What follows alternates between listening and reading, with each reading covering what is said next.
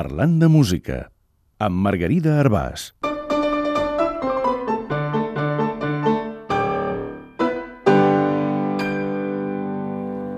Tarallegem? Diuen que cantar o tarallejar té molts beneficis. Va bé contra l'estrès, serveix d'exercici físic, reforça el sistema immunitari i la salut cardiovascular i ajuda a no roncar quan es dorm. Cantar és fantàstic, sens dubte, però tarallejar també és boníssim i serveix per cantar encara que no recordem la lletra. Tarallejar o tarallarejar ve de l'onomatopeia tarallarà, que és més o menys el que diem quan cantem sense dir les paraules d'una cançó.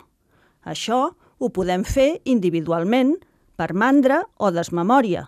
Col·lectivament és un recurs habitual en cançons infantils.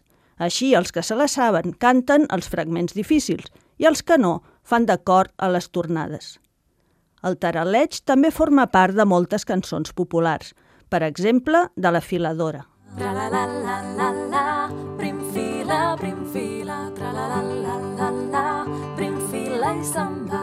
A l'hereu Riera també es taralleja. A la Marieta Cistellera el taralleig s'allarga bastant.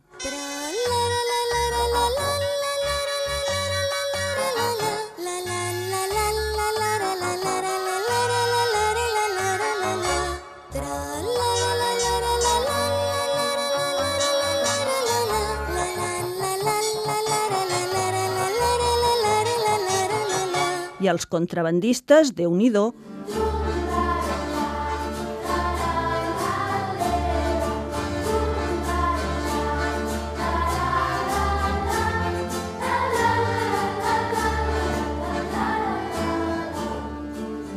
Evidentment, el taralleig pot variar molt segons la versió, per aquest element d'improvisació que acostuma a tenir. Que no recordeu una lletra d'una cançó i la voleu cantar? No hi fa res, sempre la podeu tarallejar.